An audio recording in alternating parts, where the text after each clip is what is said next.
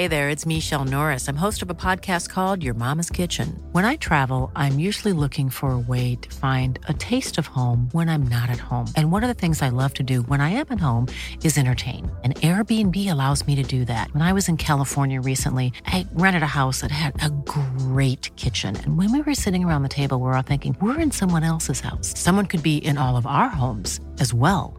If you have a home, but you're not always at home, you have an Airbnb. Your home might be worth more than you think. Find out how much at airbnb.com/slash host. Hey, I'm Ryan Reynolds. Recently, I asked Mint Mobile's legal team if big wireless companies are allowed to raise prices due to inflation. They said yes. And then when I asked if raising prices technically violates those onerous two year contracts, they said, What the f are you talking about, you insane Hollywood ass? F- So to recap, we're cutting the price of Mint Unlimited from $30 a month to just $15 a month. Give it a try at mintmobile.com slash switch. $45 upfront for three months plus taxes and fees. Promo for new customers for limited time. Unlimited more than 40 gigabytes per month. Slows. Full terms at mintmobile.com. Many of us have those stubborn pounds that seem impossible to lose, no matter how good we eat or how hard we work out. My solution is Plush PlushCare. PlushCare is a leading telehealth provider with doctors who are there for you day and night to partner with you in your weight loss journey. They can prescribe FDA-approved weight loss medications like Wagovi and Zepbound for those who qualify. Plus, they accept most insurance plans. To get started, visit plushcare.com slash weight loss. That's plushcare.com slash weight loss. Tjena Glenn. Tjena Micke! Hoppas allting är bra. Allt är jättebra själv då. Jo då, det är kanon. I dagens program så eh, har vi en man som gillar att diskutera djupa ämnen.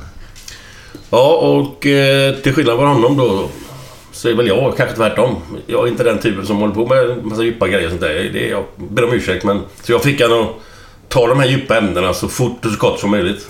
Ja, fast du tyckte de var för långa ändå naturligtvis. jag personligen gillar faktiskt att grotta ner mig lite grann sådär. Men vi är ju inte bara det. Vi har ju en, eh, lite andra grejer som kommer innehålla idag. Ja, det blir bland annat eh, den underbara Ronny Jönsson. Sen eh, blev det lite grann faktiskt om religion. Det är inte min starka sida heller kan jag säga. Men jag hörde lite om Buddha. Mm. Och eh, jag kan nog tänka mig att det var nog ungefär så som jag skulle kunna... Eh, det lät ganska sunt förnuft allt det där som de snackade om det. Mm. Så att det, det, det lät väldigt bra. Vi får se hur det låter då i podden. Eh, han kommer i slutet också på programmet. Det kommer vara uppdelat i två avsnitt det här programmet. Eh, I slutet på andra programmet där så kommer han med till och med med pro- programidé med Torbjörn Nilsson inblandad. Ja. Så eh, lyssna där så får ni se vad det tar vägen. ja, då ska vi inte säga för mycket. Nej, utan god lyssning, på med hörlurarna, höj volymen och dansa loss.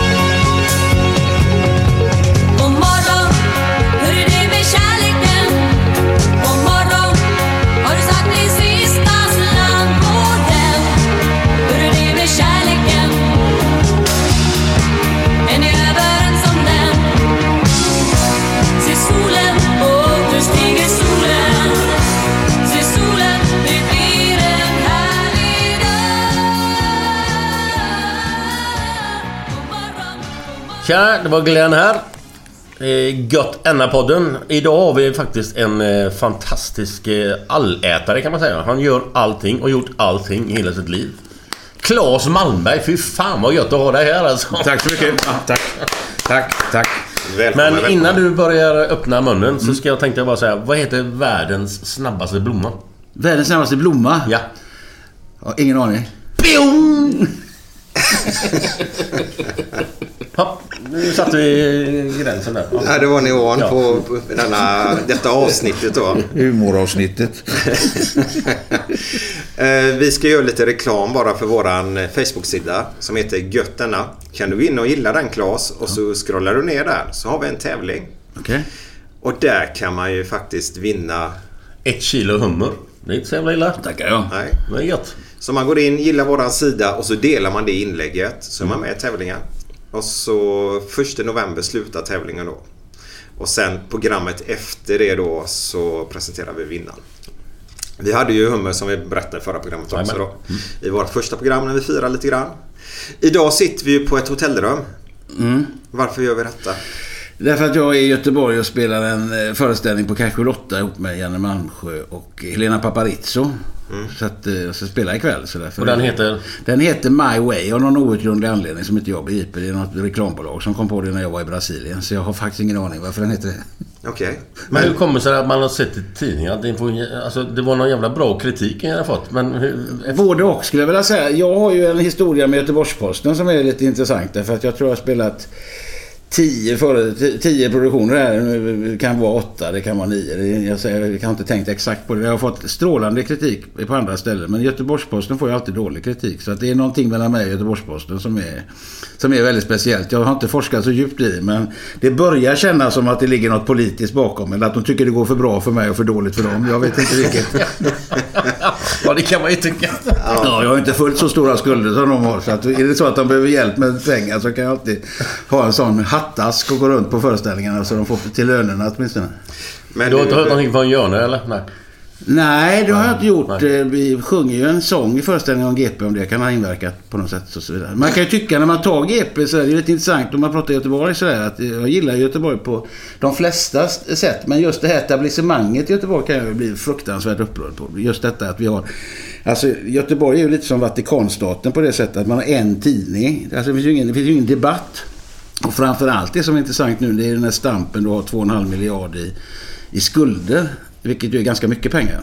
Om man tittar på det rent generellt. Ja, det är mer än vad du tjänar i Liverpool. Mer än vad jag- har tjänat i min, i min karriär också. Men, men då är det väldigt tyst märker man i Göteborg. Det är mer skriverier om det utanför Göteborg. Men i Göteborg. Men det är klart, och då blir det ju konstigt då när den tidningen som har skulderna eller det företaget ska skriva om sig själva kritiskt. Det blir ju inte riktigt gjort. Så att det, Men va, ja. varför blir det så, tror du? Eller, va- varför, varför är det så? Jag tror att det är en historia med Göteborg man glömmer. Alltså, mycket med Göteborg är sådär att man går ut på gatan och snackar med folk. Det är väldigt lätt att få kontakt med människor. Det är väldigt hjärtligt och, väldigt, och publiken är ju fruktansvärt rolig att spela för. Men, men däremot har man haft en överklass i den här, i den här stan som är oerhört, eh, vad ska man säga, enerverande om man ska använda ett eh, mindre starkt uttryck. Ja, det fattar jag knappt vad det betyder. Nej, nej men alltså de är lite, vad ska Jobbiga. man säga, ja, jobbiga, Jobbiga. och liksom väldigt, eh, vad ska man säga, har, har haft privilegier på ett sätt som, som man kanske inte har haft på, på, i andra städer. Det finns ju idioter överallt, men just det här, man tittar på hela den här situationen med kommunen till exempel, alltså det, det här med kommunskandalen. Så är det i Göteborg den inträffar på grund av att det finns en kultur som ser ut så hos de som har makten. Så att det är ju en dubbel stad på det sättet. Och det har alltid irriterat mig det där att det finns en jävla massa människor som skaffar sig fördelar på andras bekostnad. Och Göteborg är ett typexempel på det. Men vad... vad alltså, ursäkta, jag kör över dig lite nu men... nu är vi igång. Nu är vi igång. men det här, Göran Johansson, vad har du för... för alltså, hade, du, hade du någon kontakt med honom liksom, eller, eller vad tyckte du om honom? Ja, alltså både och kan man säga. Alltså, nu ska man inte, han är ju död och så vidare. Jo, jo, jo, Och- och- jo. så, men om man tittar på det rent om- som symbol eller så, så. Han är ju lite grann, det är ju inte, alltså han var ju lite, vad ska man säga, lite grann en diktator på ett sätt. Alltså att han fattar ju sina egna beslut. Och höll man med honom så var det ju toppen. Men för de som inte höll med då så var det ju, så det var ju inte helt demokratiskt alla gånger utan... Typ han Hallberg, jag vet han den andra snubben där. han- Johan Hallberg, vad fan heter han? Ja, han var ju Var moderat. han tvärt emot... Eller nej, det var Magnusson där. Ja, man, ja, just det. Ja, de var moderater. Så, men jag tror att det var just det där att, att han var ju liksom Göteborgs starke man på många sätt och så vidare. Gjorde mycket bra för Göteborg givetvis. Men samtidigt är det ju det där att det var kanske inte alltid så demokratiskt styre om man säger så. Det, är så. Om man nu gillar demokrati. Det är ju inte alla som gör det. Vi kan ju säga så att en av våra gäster har ju fått känna på Göran Johanssons Ah. odemokratiska sätt att vara då. ja, ja, ja. Eh, men det- Vem var det då? Det var ingenting, det var ingenting att hymla om. Det är bara att säga. Eh, Säg det nu för fan. Hallå? Kom igen nu. Vi ska upp lyssnarsiffrorna här. Kom igen. Säg vem då. Ja, det var eh, Frank Andersson. Fick vi känna på den. Ja, ja. Alltså inte brottaren. Alltså inte brottaren. Nej, nej, inte Han brottaren. som är ordförande i IFK Göteborg nu. Jaha, ja, ja, ja. ja. Han var ju... Eh, Men jag, jag utgår ifrån att Göran Johansson, precis som alla kloka människor, var gaisare. Så det kanske lånar till det.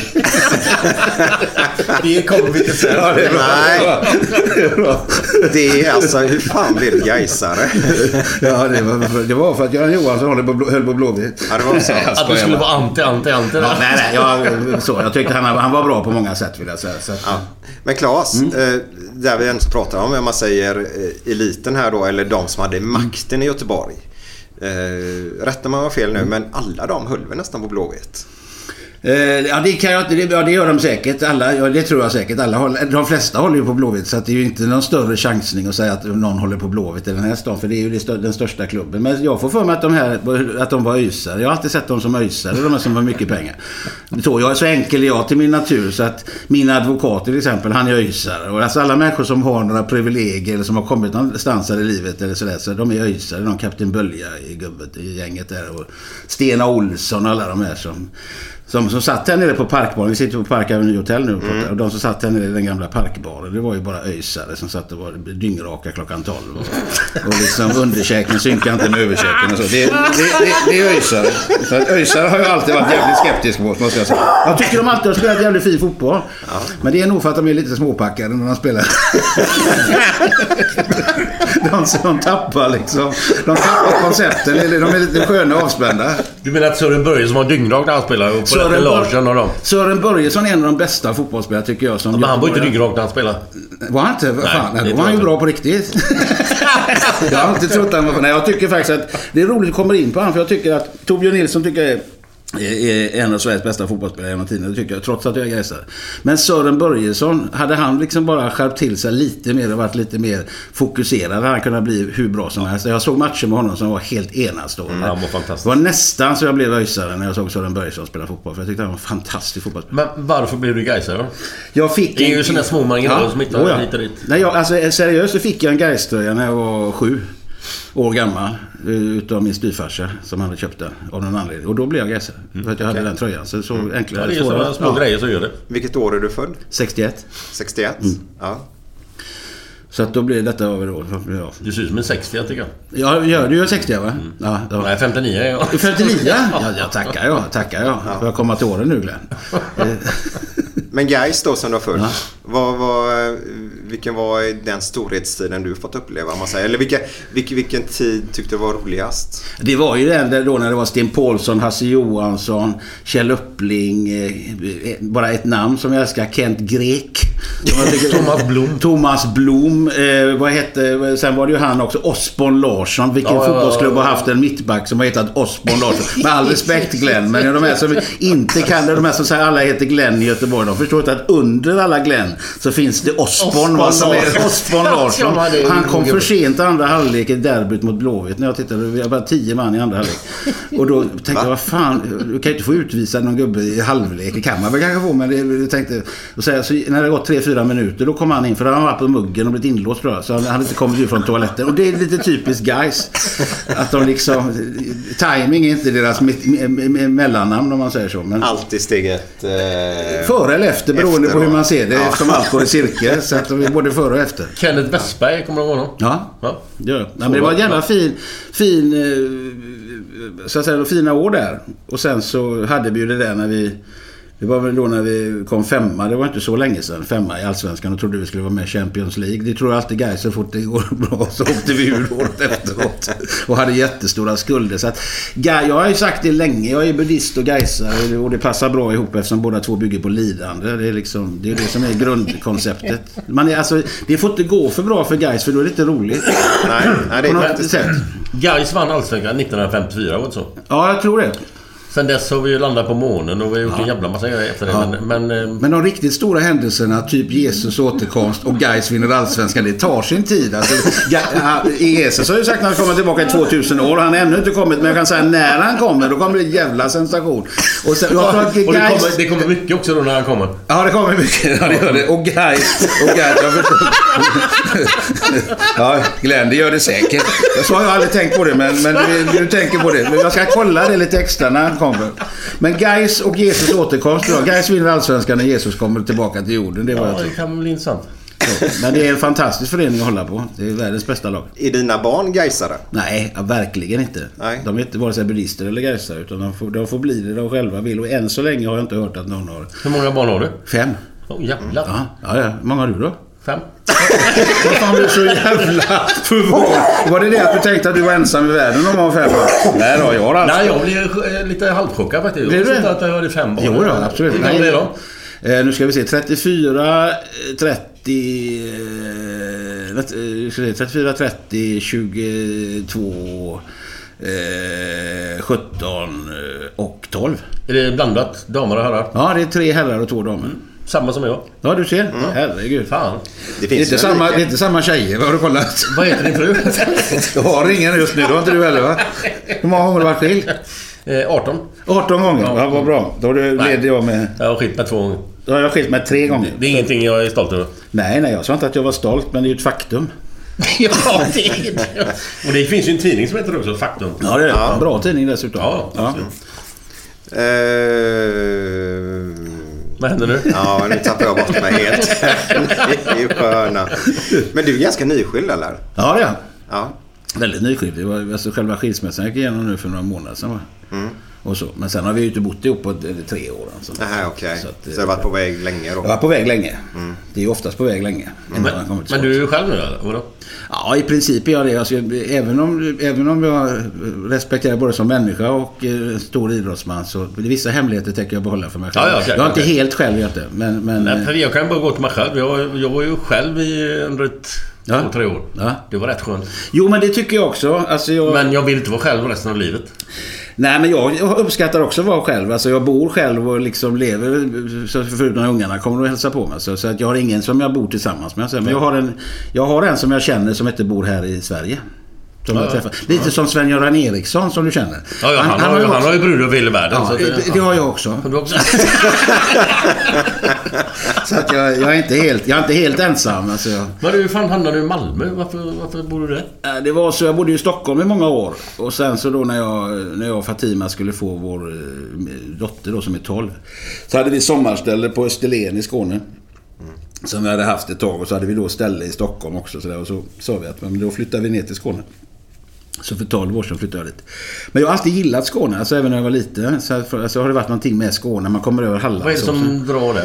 Jag vet inte, jag gillar att det är platt. Jag gillar att man ser horisonten. Och jag gillar liksom eh, överhuvudtaget mentaliteten i det mesta. Sen finns det ju avigsidor med Skåne som allting annat. Men, men i grunden så gillar jag skåningar. Och jag tycker, jag tycker om landskapet och så vidare. Så jag, jag trivs väldigt bra i Skåne. Och Malmö tycker jag är en jätteschysst stad. Den är lite grann som, som Göteborg var för kanske en 10-15 år sedan. På något sätt, alltså i mentaliteten och ganska liten stad och sådär. Där är det också jävligt lätt att prata med folk. Men det är skönt att höra att du inte har tagit dialekten. eh, Att du fortfarande pratar göteborgska. Det är skönt att höra. Ja, det gör jag bara när jag är här. Jag är hemma inte skånska hela tiden. Ja. Det är bara för att jag ska ställa mig in nu så ställer jag om. Men när jag kommer till Malmö pratar jag skånska hela tiden. Ja då, det gör jag verkligen. Nej, då. Nej men dialekter har jag bara. Det behöll jag just när jag bodde i Stockholm också. Till Snack- fasa. Snackar du Stockholm så är det? Nej. Klart jag pratar stockholmska när jag är i Stockholm. Hallå, men hallå, vad händer? Ja, du är som jävla kavaljer. Ja, exakt. Det var faktiskt så. Nej då, jag pratar göteborgska var jag än är. Det gäller att passa in. Men bor du just i själva Malmö eller bor Ja, du gör jag det. Nej, nu bor jag i Malmö. Och var bodde du innan? Bodde du i Helsingborg någonstans? Bjärred bodde vi vet. Ja, för din pojk där Ja. som var med i... eh, Ja, Ni var ju spelade fotboll där i... eh, Ja. Han spelar fotboll i Bjär. Ja, Bjerre, ja absolut. Ja, han spelar det. Spelar han fortfarande fotboll? Oh ja, jättemycket. Han är för, oerhört uh, förtjust i fotboll. Vad är det för typ av spelare? Han är defensiv mittfältare. Om man ska titta på honom, om vi, bortser ifrån honom så att säga, för det blir så, där blir jag så part i målet. Men han är lite grann sådär som en Stefan Schwarz. En sån typ av fotbollsspelare som inte finns längre. Alltså som kämpar och En springer. riktig jävla slugger, ja, alltså. Ja, och ja. Och problemet tycker jag om man tittar på det generellt i fotboll, för jag är jävligt intresserad av fotboll. Så har vi fått för oss i Sverige att vi ska liksom fostra en ny sorts fotbollsspelare. Det vill säga att vi ska bli som Barcelona. Eller att vi ska liksom ha... Vi diskuterar väldigt mycket teknik och vi pratar om att vi har konstgräsplaner så vi kan lära oss teknik. Sen har jag varit i Brasilien mycket. Där spelar de på sandstränder och de har ingen dålig teknik. Så ibland, så ibland känns det som att vissa förutsättningar kan bli för bra för teknik. Däremot kan man träna året om. Men vad man däremot tycker jag idag tittar på det är att man hela tiden ska få fram. Och då vill jag säga att Zlatan tycker jag är fantastisk fotbollsspelare. Det är bara att en sån spelare får vi inte fram till. Vi får inte fram en sån till i Sverige under min levnad. Så det är ingen idé att koncentrera. De sköter sig själva den sorten. Men ska du träna ett fotbollslag så måste du träna ett lag. Alltså Sverige har alltid varit bra på att vara ett lag. Det vill säga att vi har de här som man kallar vattenbärare som springer omkring och gör det jävligt Hok- jobbigt. Håkan Mild typ. Ja, och så vidare. Och idag uppskattas inte de spelarna på det sättet. Så vi missar en jävla massa sådana fotbollsspelare som skulle kunna behövas till exempel igår mot Luxemburg. Alltså spelare som det är svinjobbigt att möta. Faktiskt. Så att vi, den där, vad ska man säga, svenska karaktären, det svenska sättet att spela fotboll på håller på att försvinna. Det, jag tror inte vi kan vinna matcher om vi inte har den typen av lag, lagspel helt enkelt. Men du gillar ju fotboll. Nu, nu, är, jag, nu är vi inne på det här igen. Ska vi dra det igen nu eller? Det kanske blir tjatigt men... Alltså vissa förbund i Sverige har Ja. beslutat, bland annat då Göteborgs fotbollsförbund, Ja. har beslutat att man ska inte räkna poäng Mm. förrän man är 12 år. Eh, om man åker och, och cuper... Ja, 13 år till och med, Eller så. 13 kanske, okej. 13 år. Och, och sen om du åker på en cup då, så- så- typ Skadeby Cup i Skövde. Då ska man åka dit och så ska man spela fem träningsmatcher. Det ska Ja. inte räknas poäng, man ska inte vinna någonting. Vad tycker du om det? Jag tycker det är dumheter därför att grejen är så här att det spelar liksom ingen roll vad ett förbund säger. Om jag går tillbaka till mig själv när jag spelar fotboll och tittar på min dotter eller min son när de spelar fotboll så räknar de ändå poäng när de spelar. De räknar ändå målen, de räknar ändå att, att de vill vinna. sig idrotten, oavsett om du är på hög eller låg nivå, eller låg nivå i idrott så är det ju så att idrott är en tävling. Alltså du tävlar. Sen kan du ju tävla och liksom vara, vara schysst. Du behöver inte vara liksom dum i huvudet för att du liksom spelar en fotbollsmatch där en vinner och en förlorar. Och framförallt är det jävligt viktigt för alla att lära sig förlora. Det är oerhört viktigt. Alltså det är fruktansvärt att se människor som inte kan förlora med någon slags värdighet. skönt att höra detta. Så, nej men det tycker jag, det, men det där är liksom bara trams tycker jag. Därför att det är, det, det är inte där det sitter, den här elitsatsning och sånt. Det är något helt annat. Däremot kan jag tycka att det finns rätt mycket korkade fotbollstränare som liksom inte ser, som är väldigt opsykologiska. Så framförallt när man tar hand om, tror jag, killarna. Tjejerna har lättare att prata med varandra ändå. Men när man tittar på tonårskillar så kan man inte bara liksom snacka fotboll med dem. Man måste snacka om andra saker. Man måste fråga hur de mår. Alltså de här stora tränarna som är bäst, de är ju liksom de som också är psykologer och som kan få en spelare som har dåligt självförtroende att växa och som kan se saker i spelare och framförallt ta hand om de som inte platsar i ett lag och få dem att fatta att de också är viktiga. Alltså det är så jävla mycket sånt som går förlorat därför att många gubbar är alldeles för enkelspåriga och de liksom är bittra över att de inte själva gjorde karriär. Faktiskt. Det tycker jag är... Där kommer du till en punkt. Ja. De tror att de ska liksom... Bara för att inte någonting själva. Så ska sonen eller dottern Ja. göra någonting som inte han har gjort eller hon har gjort. Precis. Det är- Nej men det är ju så. Jag tycker liksom att det är synd det där. Därför att det, återigen är det det att jag menar... Om man nu ska s- säga så. Jag uppskattar liksom... Jag menar varför vi kom trea 94 i fotboll. Det var ju för att vi hade ett fotbollslag. Det var ett lag av människor som jobbade för varandra. Och jag menar Tommy Svensson. Jag var inte i det omklädningsrummet men han läste en Karin Boye-dikt. Jag tror inte det är fel att göra det i rätt sammanhang. Eller snacka om andra saker. Du vet. Nej, men jag tycker- kan inte jag. Nej men jag menar överhuvudtaget att du liksom bryter mönster, att du tänker på ett annat sätt. Att, jag menar som Östersund till exempel som liksom dansar ballett som gör grejer. För de funkade men jag menar att man skulle kunna, det har jag sagt mycket. Nelson var ju ett fotbollslag som heter Olympic som då är, är en förort till Malmö som är typ Rosengård som heter Lindäng där han ville spela. Där det är många killar som har det jävligt tufft och ungdomarna har det tufft. Men att fotbollen blir viktig för dem och idrotten. Men att idrotten och de människorna som sysslar med det också liksom sätter in kultur. Att man liksom blandar mycket mer och liksom skapar ett, ett, ett bredare intresse. För jag menar det är ju inte så att bara för att man spelar fotboll så är det bara det man, ska, som man är intresserad Nej, av. nej, Utan nej, man breddar intresset och liksom gör andra grejer. Överhuvudtaget. Hur, hur bra var du som fotbollsspelare? Jag var, jag var som han Roland Sandberg ungefär. Jag fick bollen i bakhuvudet. Ja, faktiskt. Och sen var jag snabb. Jag var jävligt snabb. Var jag sprang, snabb? Jag sprang fort så in i helvete. Jävlar, jag sprang, jag sprang ju förbi dig en gång på en sån eh, kändismatch. Nej, var. Du, var- men då var du lite underskattad med den gången. Jag, du gav mig en 3-4 meter. Jag tänkte du jävla dra. Men Vilken det match var det? Det var ja vilken match. Det var, jag, Ja, men var det en sån där, eh, Ja, det var med, värdegrejs, med trippel, ja, med trippel touch var med de Ken och Göran. Och det var ett jävla gäng som var med där. Och det han... eh, på Mölnlycke. Christer- Olsson? Ja, just det. Exakt. Ja, ja, som ja, ja, ja. Men jag tänkte jag får de metrarna. Men det var den enda rush jag gjorde i hela den här matchen faktiskt. Men, men Det räcker. det räcker. Du har slagit. Glenn ja, Hysén. ja, ja, jag har slagit. Men jag var med också och gjorde mål på Bengt Andersson, Blåvitts målvakt, i, Mm. i den här kuppen som Kenneth Andersson har. Där. Ja, det här eh, mustaschkampen. Ja, just det. Där gjorde jag mål. Han var i chock. Jag tror han är i chock fortfarande, Bengan, efter det målet. Jag vände på en femöring och slog den i hörnet. Så att, nej, men jag gjorde mycket mål, gjorde jag. Men sen var jag ute, jag var ute på din nivå. Men jag var inte liksom elitfotbollsspelare. Men jag var bra. Alltså, jag hade ju drömmar om att bli fotbollsproffs. Och drömmar är ju en sak och, och att bli det är ju någonting helt annat. Men, men eh, om jag säger så här. Jag hade tillräckligt starka drömmar för att tycka att resten av mitt liv har varit en enda lång misslyckande. Du, innan jag glömmer av det nu. Vi träffades ju i Milano. Ja. Av någon jävla anledning. Varför var du där då? Jag tittade på Zlatan. Jag och du var där nere för matchen? Ja, jag var där för matchen. Jag och Nelson var där och tittade på Ja, den. din son, ja. Ja, Ja. Arsenal. eh, äh, Milan-Arsenal. Mm. Då förstod man ju hur jävla stor han är. När de skrek, alltså 80 000 skriker Vem är kung på San Siro? Ibra, Ibra, Ibra. Han gjorde ett straffmål, kommer jag ihåg. Och likadant var det, vi skulle gå på toaletten där uppe i pausen. Och där satt ju hela den där eh, kurva Nord. eller Ja, Kurva. Nord. Var Jätte, där jättefansen där. Sa man att man var svensk, man var kung alltså. Det var, det var, det, Oj. de var otroligt vänliga och glada. Och, och liksom sådär. Så att man red lite grann på Zla- Zlatans popularitet märkte man. När man var på läktaren. Det var en fantastisk upplevelse tycker jag att titta på den eh, matchen. Mm, jag förstår det. Med stora ledare där så pratar Magnus Wislander om eh, Bengan då. En match där eh, om 2000 tror jag det var. De låg under med 15-9 i halvlek. En VM-final eller EM-final. Eh, så går han in och berättar roliga historier i pausen. Ja. Och sen går de ut och så vänder. Men du har det där, alltså grejen är den att byt fokus. Det gäller ju även i mitt jobb. Alltså jag säger, alltså många gånger så, så kan jag tycka skådisar säger, jämför teater och fotboll. Den stora skillnaden mellan teater och fotboll är att i fotboll vet man inte hur det ska sluta. I teater hoppas vi, vi åtminstone att skådespelarna vet hur det ska sluta.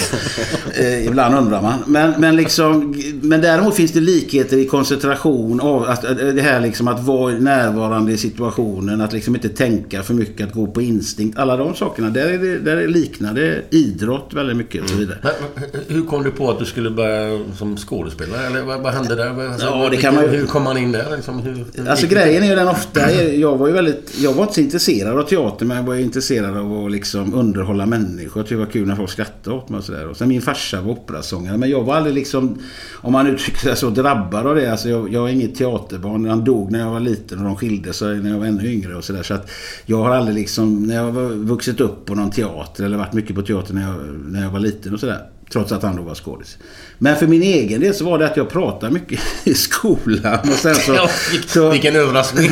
så insåg jag också det att tjejer jävligt gillar killar med humor. Alltså det är egentligen viktigare än utseende även om en kombination är det allra bästa. Men nu fick jag inte både och utan jag fick bli lite roligare än snygg om man säger så.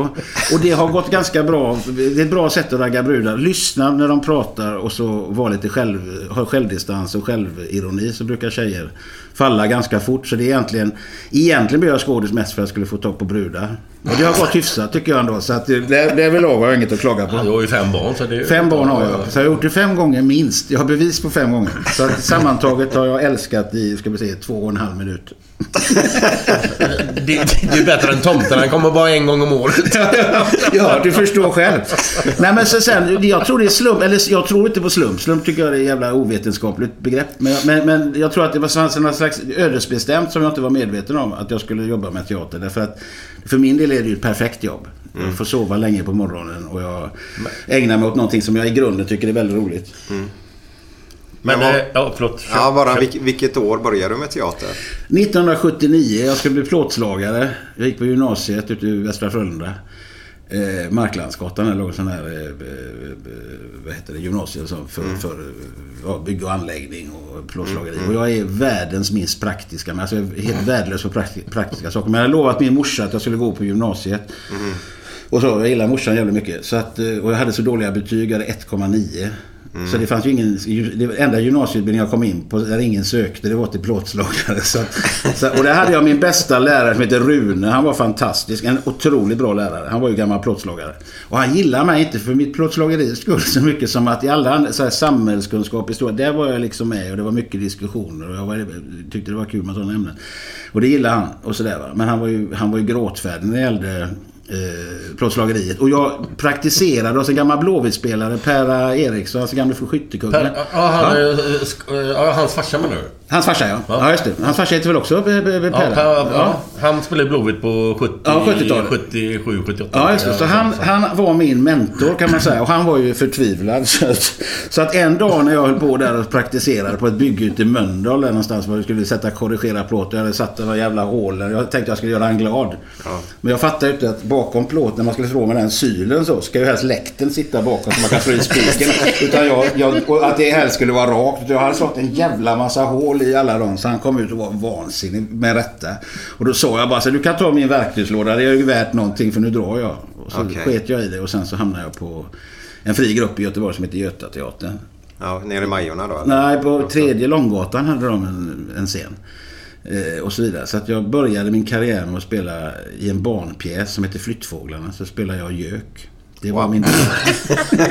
Vadå, du låg det ett bo... Ett En tunna då? Du ägg överallt? Nej, jag satt i ett bo och så matades jag med ostbågar som var grönmålade med karamellfärg. Och så sa jag koko, koko. Och så där. Och där började jag. Sen har jag liksom blivit... Sen har det varit som fotboll att jag har blivit värvad till olika teatrar. De har tittat och så har de sagt vill komma till oss och så vidare. Så att, då var jag i Göteborg några år. Sen flyttade jag till Stockholm och jobbade där. Och så Men, men du, när, när, när var ditt eh, alltså, genombrott? Alltså, Ronny Jönsson kommer vi till Ja. strax. Men var det någonting innan? Så att Alltså den här- kom upp lite innan? den här som gök- man känner till? Liksom. Man kan ju säga så här, man kan ju spela i olika divisioner så att säga. Ungefär som man kan hitta en division 4-spelare som plötsligt spelar i Allsvenskan. Och lite så var det. Att man tittar på den här göken, vad man än tycker om göken. Så var det ett litet genombrott. Därför att jag kom från gatan, jag hade aldrig gjort någonting.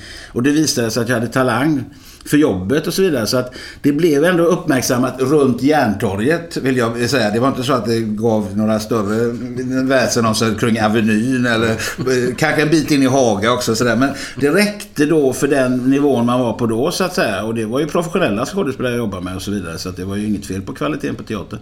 Men, men liksom så att det blev lite sådär. Så det kom successivt. På det sättet har ju min karriär varit väldigt bra. Att jag har liksom fått jobben i den ordningen man ska ha dem. Jag har fått dem när jag, när jag är mogen att ta nästa steg. Så att säga. Så att, och det är inget jag själv har tänkt på. Jag har aldrig funderat på liksom hur man ska lägga upp en karriär. Eller så jag har gjort det jag tycker var roligt. Och så. Alltid varit smickrande när folk har frågat om jag vill vara med. Och så tänkte jag, ja, fan kan jag vara med och testa på lite sådär. Så att, så att eh, i, inom den sfären så, så kan man nog säga att det är genom, mitt första, min första roll som gök. Det, var- det var ett slags genombrott för jobbet som sådant. Sen kan man ju säga att det är klart att det var finare jag sa att Hamlet var min första roll. Men Men, men hur såg du ut då i den här gök... Hade du gökdräkt på dig? Ja, ja, ja, du känner till gökdräkten, vad roligt. Nej, då. Ingen aning.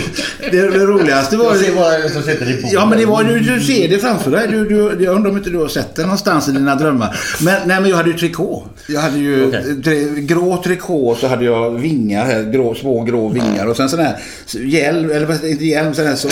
som, Hjälm? som, nej, men som, som skridskoåkarna hade. Sån mössa såg det ut som. Så, så i helt och så över. Som. Art Schenk, Ja, typ. och ja, Art Schenk. Jag såg ut som Art Schenk. Och sen så hade jag dem sminkad med ansiktet. Och så att jag gapade så här hela tiden.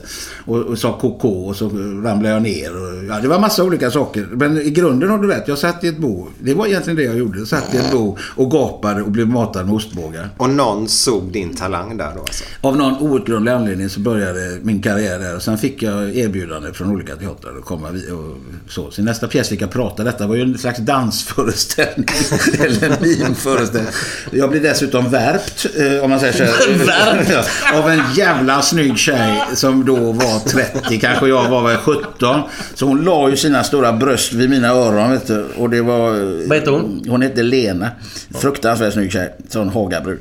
eh, Sån som fanns på 70-talet. Och eh, där låg jag och tänkte jävlar när jag ska upp i de här trikåerna. För det hade hänt någonting med mitt andra huvud. Nu sitter Claes med huvudet neråt med, med händerna uppe i, i, i tinningarna här. och visa Bara så var ni vet. brösten Ja, låg. ja. Och sådär så att, eh, så att eh, jag brukar skämta om det här att jag inte hade suspensoar. Och att, eh, när, när jag kom upp i full blom, när jag reste mig upp så, så tänkte alla, alla, hela publiken, gud vad långt ner näbben sitter på den fågeln. och så. Så att, eh, men det var, så att det var, ja, det var, en, det var en härlig tid. Det var ju lite likt den tiden vi lever, alltså 70-talet på många sätt var ju li, lite likt, alltså inte likt, men po, politiskt det här med om man tänker sig feminismen, genusdiskussioner och sånt där. Så är det ju ingen, alltså den här hardcore genusdiskussionen som finns nu. Den är ju ganska lik KPMLRs eh, terminologi som fanns på Fjärde Långgatan. Det, det vill säga att man får bara tycka en sak och man måste tycka rätt för annars åker man ut.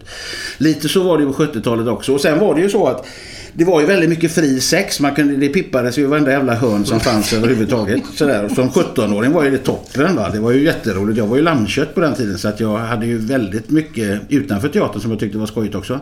Och så är det lite idag också att det, man ska liksom göra sig fri via sexualiteten. Alltså det, på många sätt så påminner ju, påminner ju tiderna om varandra. Med den skillnaden att på den tiden så är jag glad för då fick man tycka lite mer vad man ville. Och man var också respekterad för det på ett annat sätt. Det var inte lika ängsligt som det är nu. Alltså idag har vi ju fått för oss att vi, att vi, att vi är väldigt individuella. Att vi får säga vad vi vill och att vi lever ett väldigt fri tid. Men det gör vi ju inte därför att problemet idag är ju liksom att att det som händer idag det är ju att, att, eh, att alla tycker lika. Fast vi tror att vi, vi tror att vi tycker olika.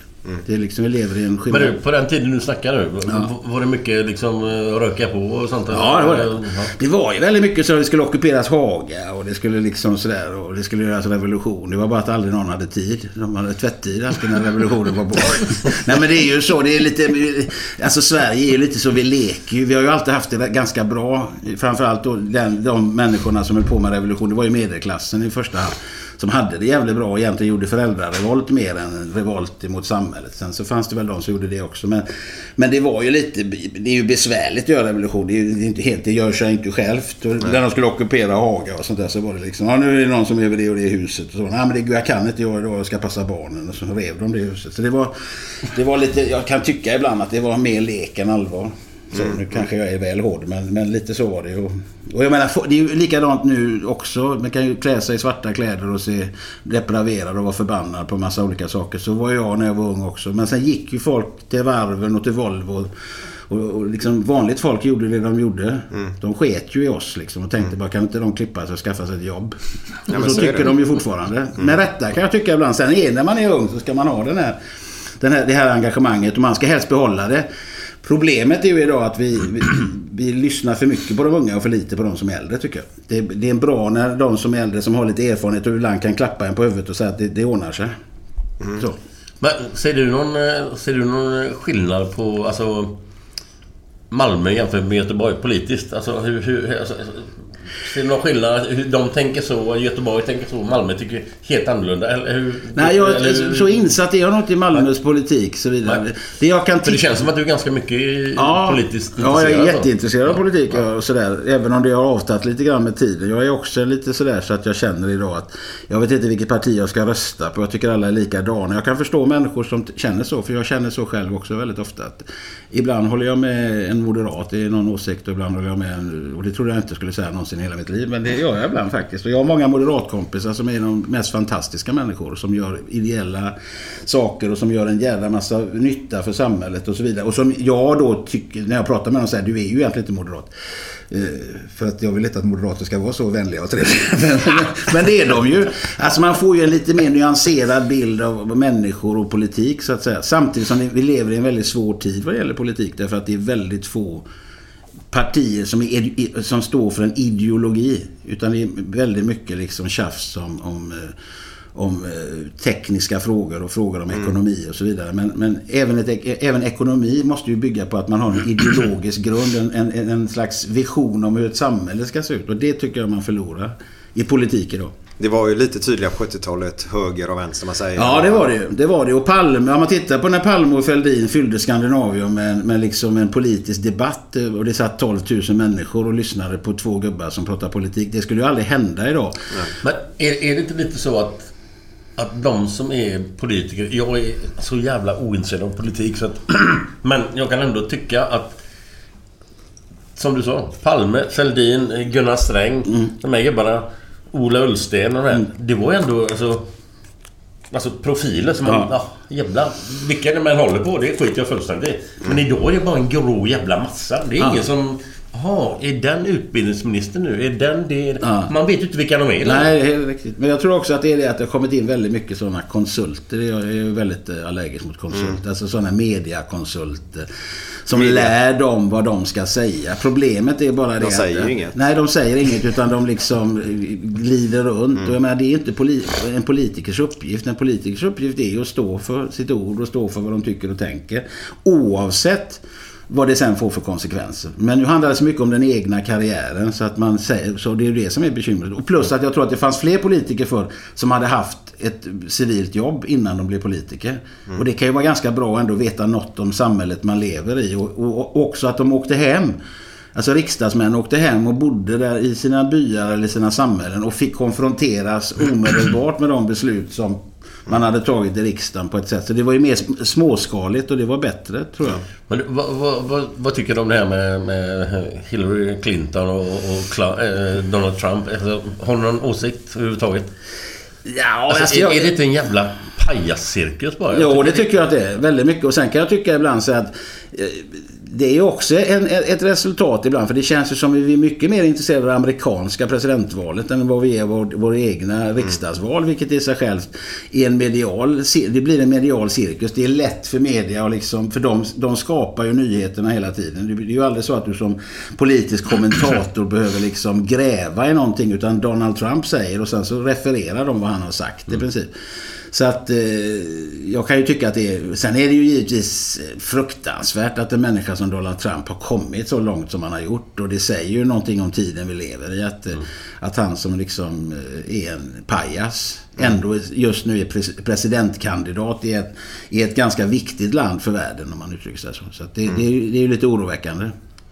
Sen är jag inte heller liksom, jag är ingen Hillary-fan. Men jag ska jag välja mellan dem, mellan, mellan de två så väljer jag väl Hillary. Men hon är ju också en människa som man kan ha ganska, så kan ifrågasätta tycker jag. I Hon, ganska är, hon är ganska hög grad. hatad i USA faktiskt. Ja, det är möjligt att hon är. Men, men å andra sidan kan jag tycka att det, hon är väl förmodligen hatad av de som inte håller med henne. Ja, och då är hon åtminstone en färgstark politiker. Så i det sammanhanget så är det ju bra. Man ska, då, ska man ju liksom, då ska man ju verkligen vara glad över sina fiender. Om det är så att man har så tydliga åsikter.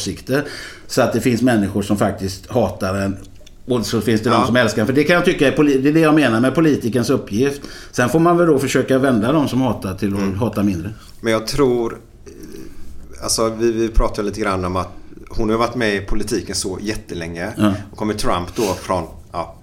Inte arbetarklass gör inom parentes här nu då. Men han, han, han har ju varit ute och drivit företag i alla fall. Och Ja, ja, eh, den biten. Men, ja, men där är ju en farlig utveckling. Alltså, politik, alltså ett samhälle kan inte drivas som ett företag. Men vi har fått för oss att det kan det. Ett företag ska drivas som ett företag. Ett samhälle ska drivas som ett samhälle. Man kan inte blanda de två. Och det är det som är den stora grejen. Plus att om man tar...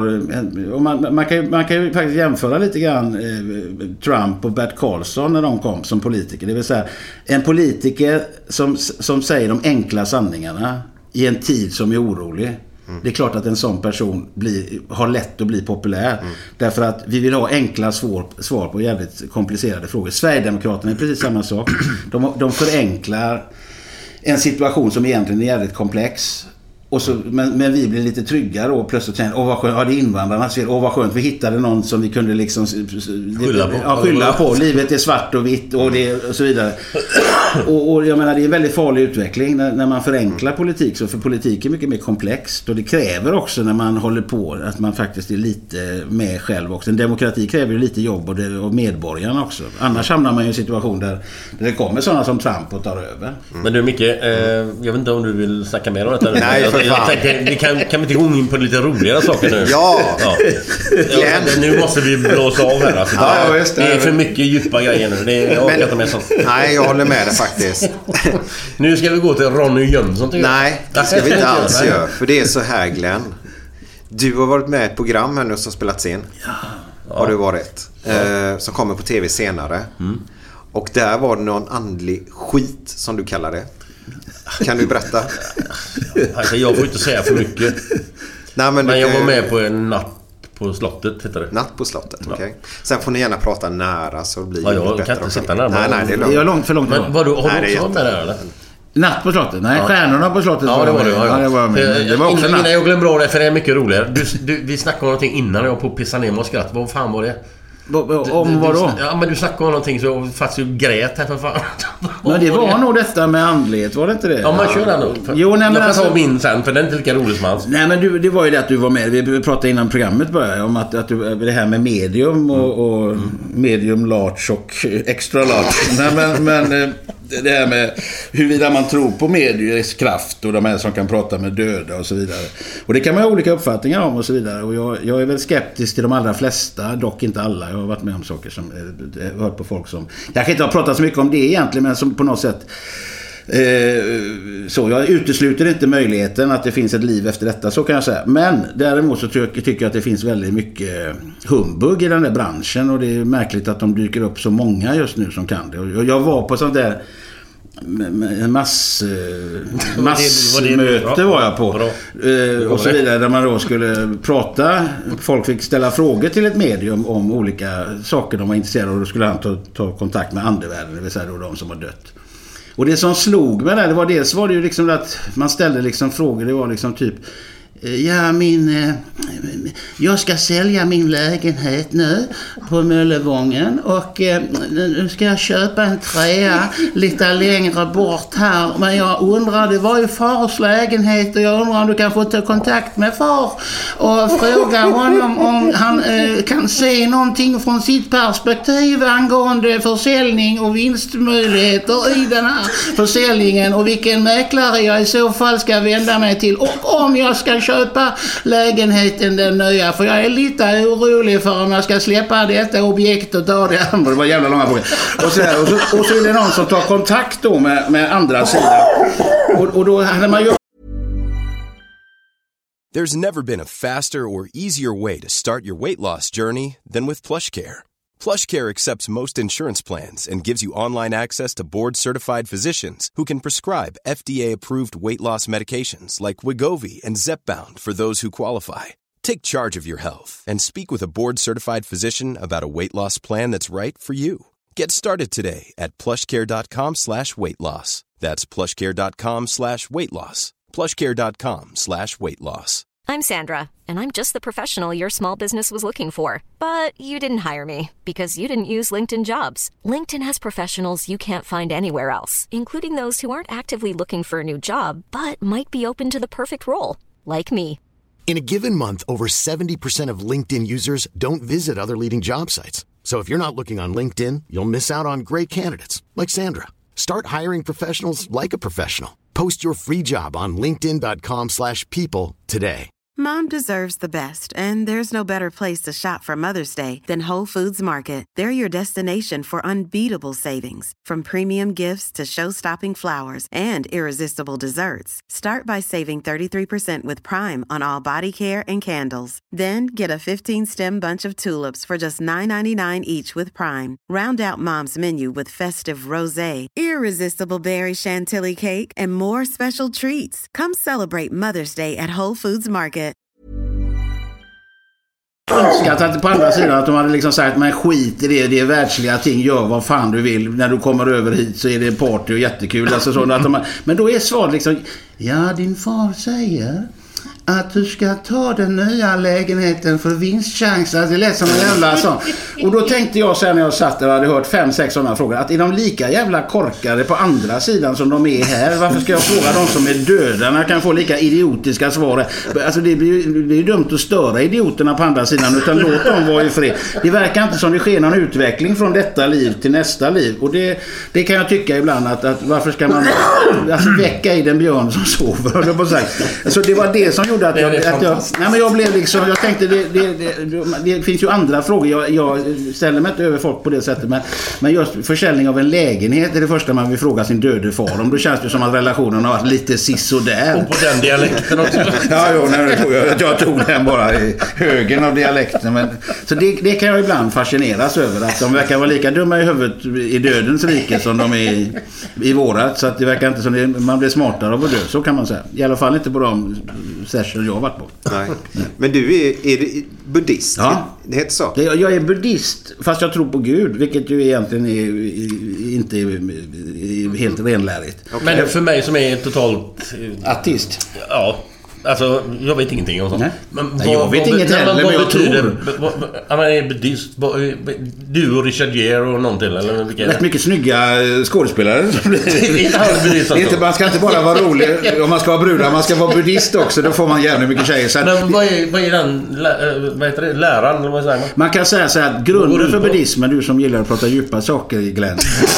Ja, nej, men jag undrar. Ja, men då får du skylla dig själv när du ställer sådana Ja, men frågor. kom igen, kör. Då är alltså man kan säga att det är de fyra ädla sanningarna. Att man accepterar att i fundamenten i livet så finns det ett lidande. Det vill säga att lidandet uppstår till exempel att vi vill ha saker och så får vi inte dem. Och när vi inte får dem till exempel så uppstår det ett lidande, en frustration kan man säga. Att i vårt medvetande, i vårt sätt att leva, lidandet i sig existerar inte, men vårt sätt att se på saker och ting skapar ett lidande. Sen finns det ju givetvis ett lidande i den meningen att folk svälter, eh, att folk dör i krig, alla de sakerna. Men det är fortfarande ett lidande som vi själva skapar. Det hade inte behövt finnas. Så i grunden finns det inte. Men det finns där på grund av vårt medvetande, vårt psyke. Och då handlar det om att, sen är buddhismen kan man säga, en, en metod att ta sig ur det lidandet, att se igenom alla de här villfarelserna, de här, de här liksom feltänkta sakerna. Typ att om jag nu inte får, får den bruden, om jag inte får den bilen, om jag inte får det huset, så är inte det hela världen. Jag kan leva mitt liv i alla fall. Kallas inte sånt sunt förnuft bara? Det kan man säga. Buddhismen bygger väldigt mycket på sunt förnuft. Men problemet är att det sunda förnuftet är ungefär som som, om man tar kristendomen tycker jag har en jävligt bra sägning och det är att allt ni viljan att människan ska göra eder ska ni och göra dem. Det vill säga att man ska göra som man själv vill behandla ska man behandla andra. Och man, teoretiskt är det ju görenkelt. Det, ingen behöver liksom ifrågasätta det. Men ser man det i praktiken så lär det, ju- verkar det vara extremt svårt. Så, vad, så vad buddhismen då gör det är ju att den ger en möjlighet att träna upp psyket, alltså medvetandet. Så att du till slut bryter ner alla villfarelser förhoppningsvis och blir en bättre människa som gör det i praktiken också. För det är ju det som är grejen. Så länge vi inte gör det i praktiken så... Alltså den enda bibelskola du behöver gå i det är ju att, det är den gyllene regeln. Ha- Hade vi lyckats genomföra den så hade vi levt i ett paradis. Men då tror jag att jag är buddhist. Ja, ja, vad bra. Välkommen. Du ska Alltså, få utan- utan att veta om det. Men man blir gaisare automatiskt också. Ja, det, där tog det slut. Det tog det slut. Men jag måste säga, jag måste säga en sak. Eh, när jag spelade i Fiorentina så hade vi en kille som hette Roberto Baggio. Ja, vilken fotbollsspelare. Ja, han är buddhist också. Ja, jag vet det. det Fantastiskt. Vilken, han var för jävla bra. Du ser hur bra buddister är på att spela fotboll. Ja, ja, De är ja, grymma. Ja, jag känner bara en buddhist, vad jag vet. Ja, men han var en av världens bästa i sin Ja, tid. för fan. Ja, absolut, absolut. Lysande fotbollsspelare. snygga också är alla buddhister. Ja, Ja, alla, varit- tack så du ha, tack så du tack så. Det var gulligt sagt. Jo, men vi blir ofta det på något sätt. Jag vet inte vad det är. Men... Och det, du blir snyggare tydligen med åldern har jag hört. Jag blir det ja. Ja. Ja, ja, fulare är svårt att bli. Ja, nu är du elak. Ja, då. Ja. Nej då. Nej, men det, jag tror att jag tar mig med tiden. Det har jag alltid sagt sedan jag var liten. Jag har sagt det. att Jag har alltid velat bli äldre också. Ja. Faktiskt. Så att jag, har aldrig, jag har liksom gått igenom... Många människor får ju kriser. Ska du eller jag ta det? Men vad? Jag har hört Ja. en grej. Det ska ju du egentligen ta. Jag har hört.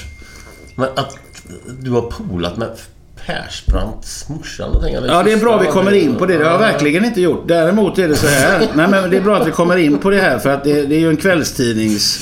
Ja, jag bara läst det. Ja, Ja, det- ja, jag skriver memoarer, eller en biografi med memoarer skrev jag. Ihop med en journalist som heter Petter Karlsson. Och i den Petter? Petter Karlsson, ja. Han har du jobbat med Ja, också. med men det- galna målvakten. Ja, ja, visst för Ja, fan. ja, ja. Och då i alla fall så, så var det så att jag jobbade på en fri teatergrupp utanför Stockholm i eh, Viksjö i Jakobsberg. Och då jobbade Mikael Persbrandts mamma som konstlärarinna där. Ingalill, eller? Ja, hon var konst... eh, Så hade för högstadiet.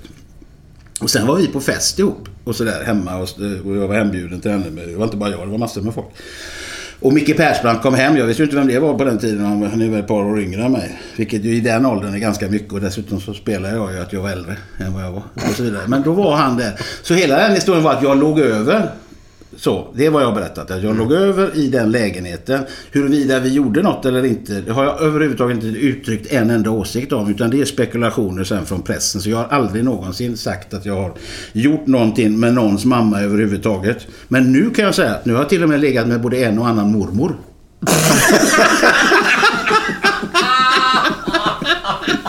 Så det vill jag verkligen dementera i alla läger. Att det här är liksom... Det är kvällstidningarna de är som värst. Och framförallt var det... Jag vill säga det också. Du, du var inte ligga med någon morfar eller någonting? Eller Det farfar, kan eller? farmor. Far kan nog med också. Jag tror att det skulle kunna vara spännande. Absolut.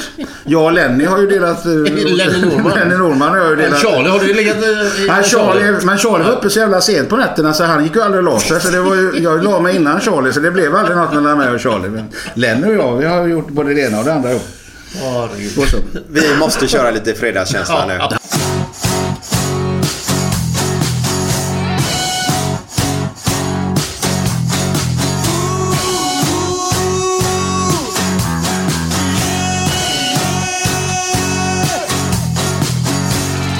Måndag morgon, inte bra. Tisdag morgon, inte bra. Onsdag morgon, inte bra. Torsdag morgon, det är inte bra. Fredag morgon. Fredag lunch. Fredag eftermiddag, underbart. After work med karaoke.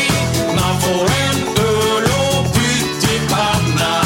Fredag kväll och livet leker. Man kan inte säga annat än att jag har det gött nu!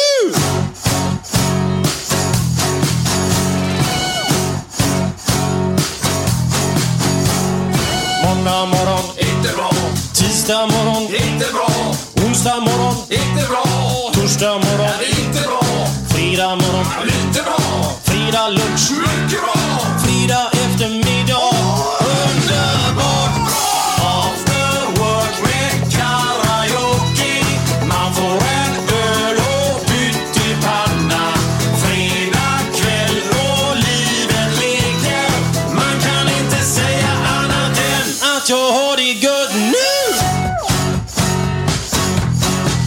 Sådär ja, välkomna tillbaka. Det var lite... Jag ska bara hämta en bira. Ja, det är så här jag måste berätta för er att eh, när jag hämtade Glenn idag så frågade jag Glenn, Glenn hur är det? Nej, idag är det inte bra. Där inne. Eh, och Glenn alltid när jag säger hur är det så han säger att ah, det är bra som fan.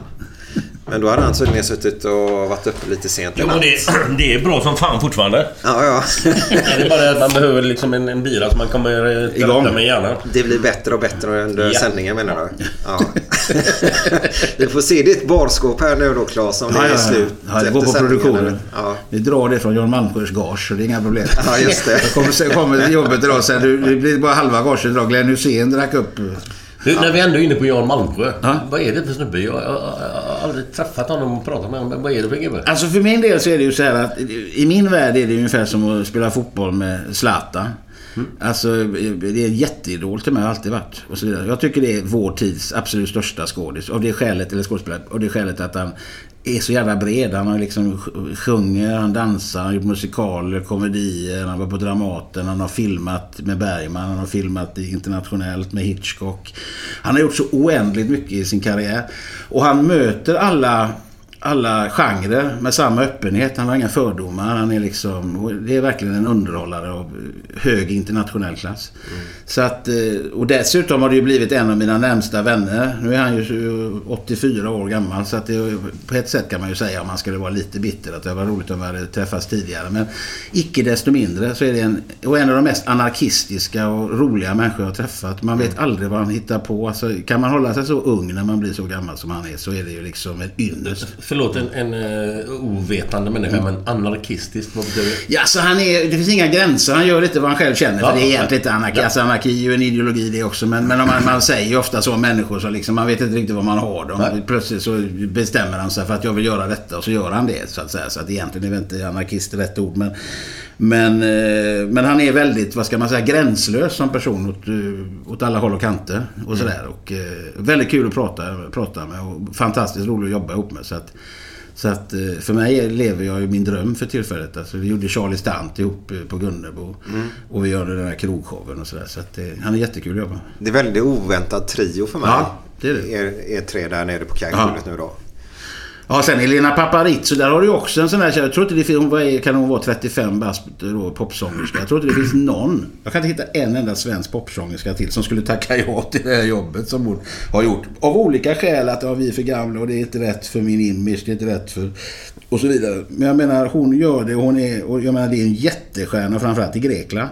Är hon ju liksom, hon är ju större i Grekland än vad Carola är i Sverige. Alltså hon är extremt populär.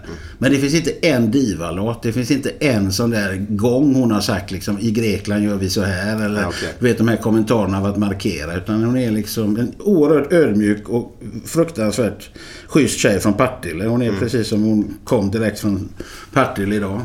Men det är det som är så jävla skönt att höra. Och även du. Du är ju som du är. Du är jävligt trevlig. Normal jävla sunt förnuft jävla människa. Det är inte alla som är sådana. Som kommer upp i... Som Nej. kommer upp i... Men du är ju för fan hur stor som helst. Och du är som du är. Jo, men jag tror att... Det är men jag tror att det är lite sådär, men det- du har ju spelat fotboll på elitnivå med människor som tjänar mycket pengar och som liksom också... Man, många människor förlorar sig ju i, i liksom bilden av sig själva och liksom i det här att man tror att man är större än livet i sig självt. Men jag tror det handlar mycket om min uppfostran när jag, när jag växte upp och så vidare. Jag menar, Ibland kan jag tycka att vi klankar ner väldigt mycket. Alltså lite jante då och då skadar det inte. Att man faktiskt drar ner sig själv och säger att vad fan, jag är inte bättre än andra. Jag heller inte, det innebär ju inte att jag är sämre än andra. Men jag tror att kan man möta människor som en jämlike så blir ju livet mycket roligare. Bara för att jag är skådis. Så är inte Ja. jag bättre än en, en byggarbetare. Det är ju vad fan, vi försörjer oss på olika sätt bara. Det är ju det enda som Ja, men du snackar om eh, det från början. Liksom. Det, mina föräldrar, de har lärt mig vad som är rätt och fel. Och Ja.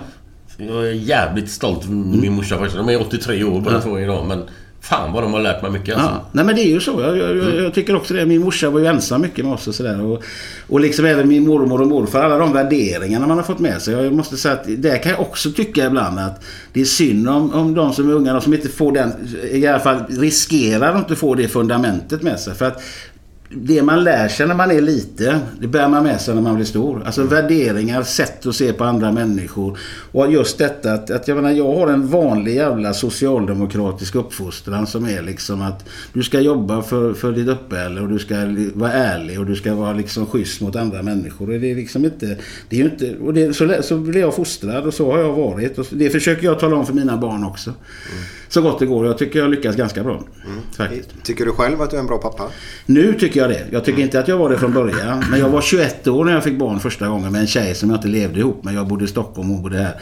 Det är inga ursäkter men det är förklaringar. Och det, jag var alldeles för ung för att få barn. Alltså det var så. Jag var för omogen och, och så vidare. Och eh, det kunde jag inte göra någonting åt när jag var 21. Men nu när jag är 55 och tittar tillbaka så kunde jag väl önskat mig att jag hade varit bättre. Men å andra sidan så alternativet hade ju varit att jag inte hade gjort något barn när jag var 21 år. Då hade ju inte Nisse funnits. Så att, ska man välja så kanske det är bra som det är ändå. Men, men jag tycker jag har blivit bättre. Så de sista tre barnen har jag varit betydligt bättre pappa med, med de två första. Men min näst äldste son jobbar jag ju tillsammans med nu och sådär. Så att, eh, så att jag tycker nog att vi, har, vi landade på fötterna så kan man säga. Men det, är, är det någonting som du... Alltså du har ju gjort allt med himmel och jord. Men är det någonting som du skulle vilja göra som du inte har gjort ännu? Alltså inte... Nu snackar jag resor och skit och Nej, nej. Utan, alltså, jobbet? Ja, som skådespelare eller, eller film eller... Men jag har aldrig- jag är det aldrig- någonting du... Fast jag har aldrig tänkt så faktiskt. Jag har Nej, aldrig nej, funderat. Du vet, jag jag, har aldrig tänkt, men jag har aldrig tänkt sådär att det skulle jag vilja göra. Utan jag har gjort det som har kommit i min väg snarare. Så att jag, jag skulle vilja säga så här att jag hoppas jag får bli överraskad en eller två gånger till på någon förfrågan. För att jag tror det är bättre att andra tänker ut vad jag ska göra. Alltså när det gäller, alltså erbjuder mig det. Och sen kan jag uppleva att fan det här var jävligt kul. Eller här, fick jag den rollen? Den har jag inte ens tänkt på. Men jag har gått och tänker sådär att, nu är jag för gammal men jag har aldrig gått sådär att jag skulle vilja spela Hamlet och sånt där. Alltså det har jag, men det har jag aldrig varit intresserad av. Det går för långsamt och det är för långa pjäser. Så att jag orkar inte spela så. Så intresserad av teater är jag inte. Och jag har heller aldrig varit den typen av skådis. Utan jag kan säga så här, varje gång jag får en publik att skratta eller gråta så tycker jag då är livet på topp. Har du fått publik att gråta? Ja, det har jag fått också. Det ska man inte? Nej, ibland så kan jag säga rätt allvarliga saker från scen. Alltså vad som är intressant är att jag har gjort egna föreställningar och åkt runt på konserthus och spelat ihop med några musiker och sådär. Runt om i Sverige. Och då har jag liksom gått från jättemycket skratt och så direkt in i någonting allvarligt. Och då är folk helt öppna. De är helt liksom skyddslösa i det ögonblicket. För de förväntar sig inte att det ska komma något jävligt allvarligt mitt i ett skratt. Och då innebär det att då kan du få dem att gråta på, på liksom 30 sekunder. Därför att de är helt... Skratt och gråt är samma sak. Det är uttryck för i princip samma sak. Faktiskt. Om man ska säga det i, i grunden. Så att på det sättet så har jag fått det. Men det är inte så att det är det som är min främsta grej. Det kan jag inte säga. Men det har hänt. Att jag har fått folk att gråta. Men du har ju fått mig att asgarva en gång. Ja. Jag satt hemma i soffan och eh, ja, jag, jag började faktiskt gråta med av skratt då. Ja, jag skulle säga det ligger nära. Eh, Jag tror det var på Norra Brunn och så var det du och Lenny Norman Ja. som gjorde en grej. Ja. Och nu snackar vi stand-up då. Mm.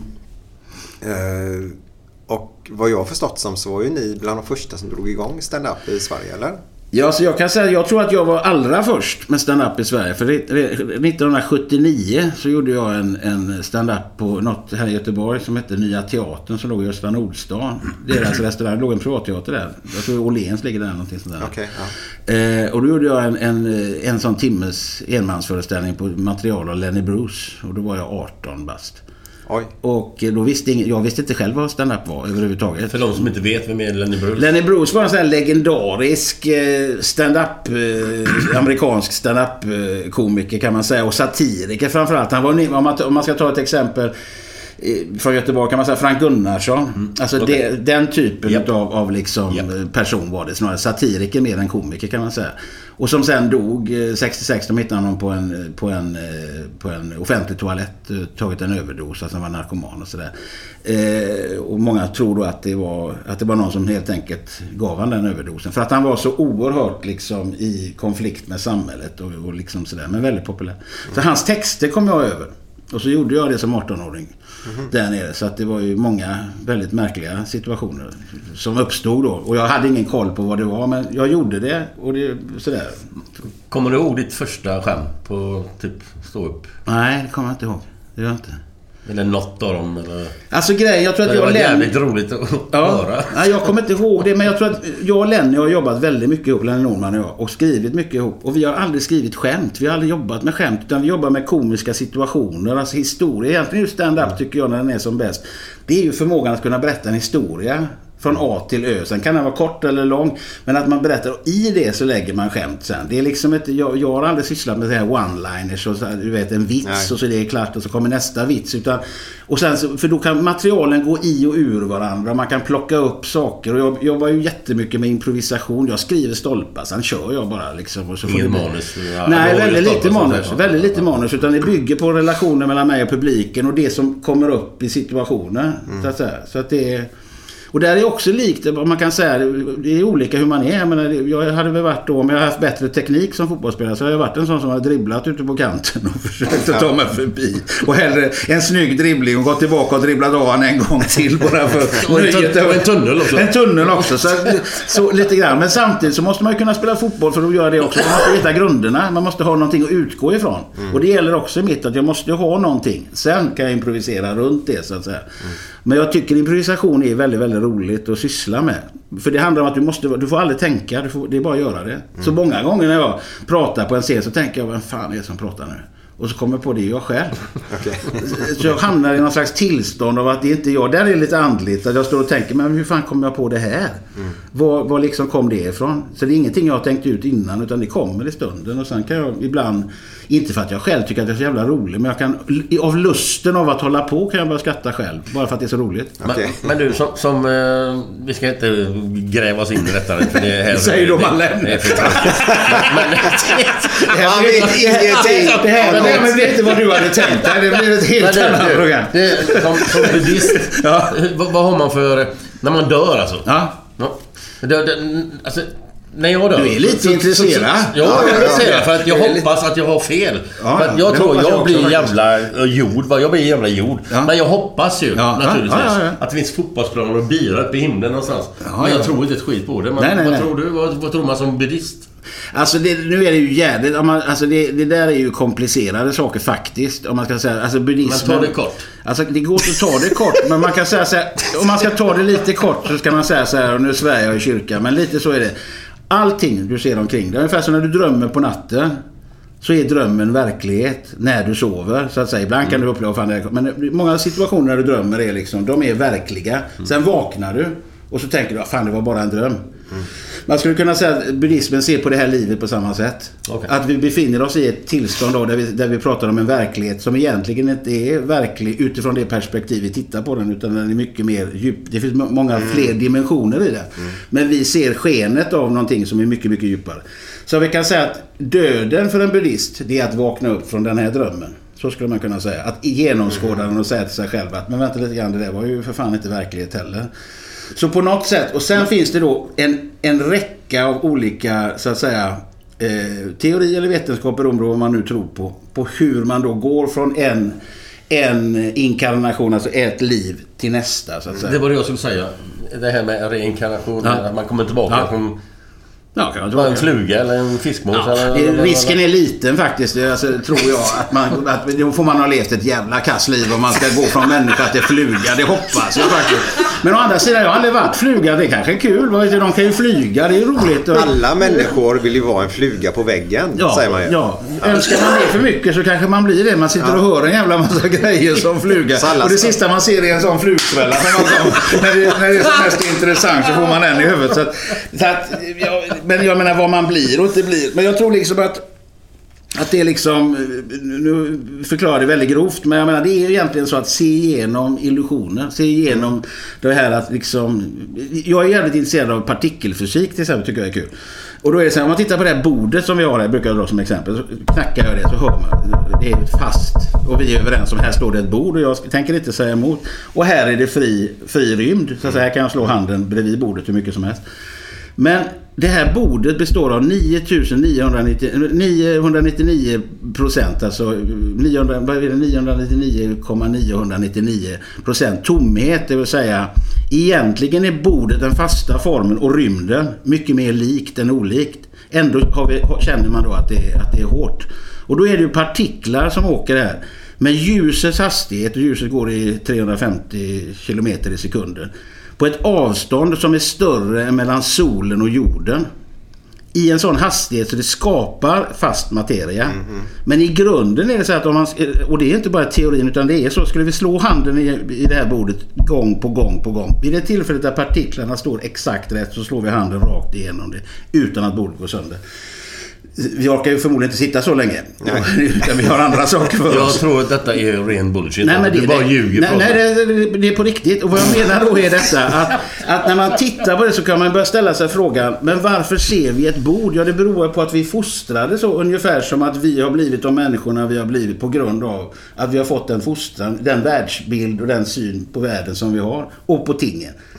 Men skulle man då, så att säga, jag tror att varför buddister och många andra mystiker mediterar och liksom söker sig inåt. Det är för att plötsligt kanske man kan se igenom detta och se att allting rör sig hela tiden. Allting förändras i varje sekund. Vilket gör att egentligen finns det ingen fast form. Det är bara någonting som uppstår, försvinner och blir, omvandlas till någonting annat. Men du sitter inte och ber och grejer och sånt där? eller? Jag mediterar gör jag när jag, Gör det? när jag är duktig. Gör jag det. Men alltså, Vadå, sä- sätter man sig ner på en matta eller någonting? Ja, man kan eller sitta i- man? kan det är sitta i- förutfattad mening. Nej men man kan sitta var fan som helst. Jag gör det ofta när jag flyger eller åker tåg och sånt där. När jag så, så har lite tråkigt så, så gör jag att jag sätter mig och mediterar lite. Men du, vi, vi, tack.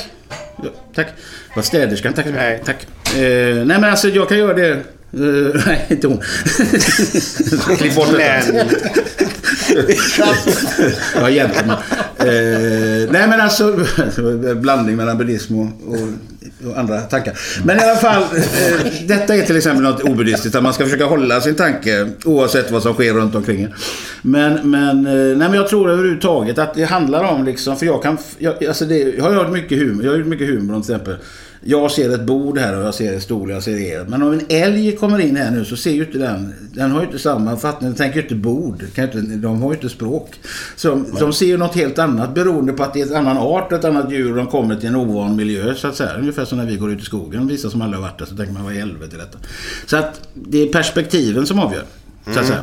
På hur man ser det. Bara en fråga, Glenn. Det klipper lite i detta eller? Nej, jag vet inte. Allt, det är hela skiten med. Glenn. Det är skitroligt. Du är ju fan grym alltså. Fantastiskt bra. Fattar du någonting vad han har sagt just nu? Nej, inte mycket om buddhismen. Det har jag Nej, men det med bordet och detta nu och ljus. Nej, att det, är, att det är material förstår jag ju. Men 99,99,99 det vet fan.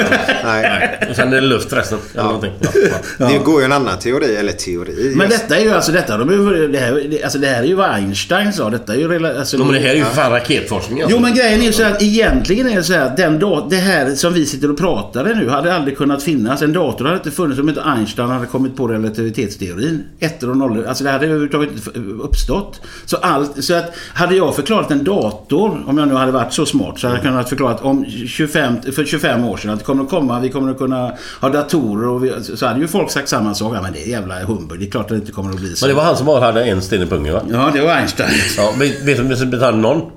Nej. Selma Lagerlöf. Hade hon inte? Nej. Åh fan. Jag tror att- Det här kommer som en nyhet. Det hade jag ingen aning om. Ta det fan. lugnt med bärsen här nu. Ja, Claes för fan. Du ska, ju- du ska jobba ikväll nu. Du, den Ramlösan ska jag hämta. Hörde ni Ja, men jag Ja, nu, ska jag faktiskt tumma jorden lite. Ja, ja, visst. Ja, nu blir det nog en... eh, Men Claes, Ja. du gillar ju sånt här. Det går en liten sådär att, du vet, eh, vi har ju massa celler i kropp- kroppen. De är väldigt, väldigt, väldigt små. Ja.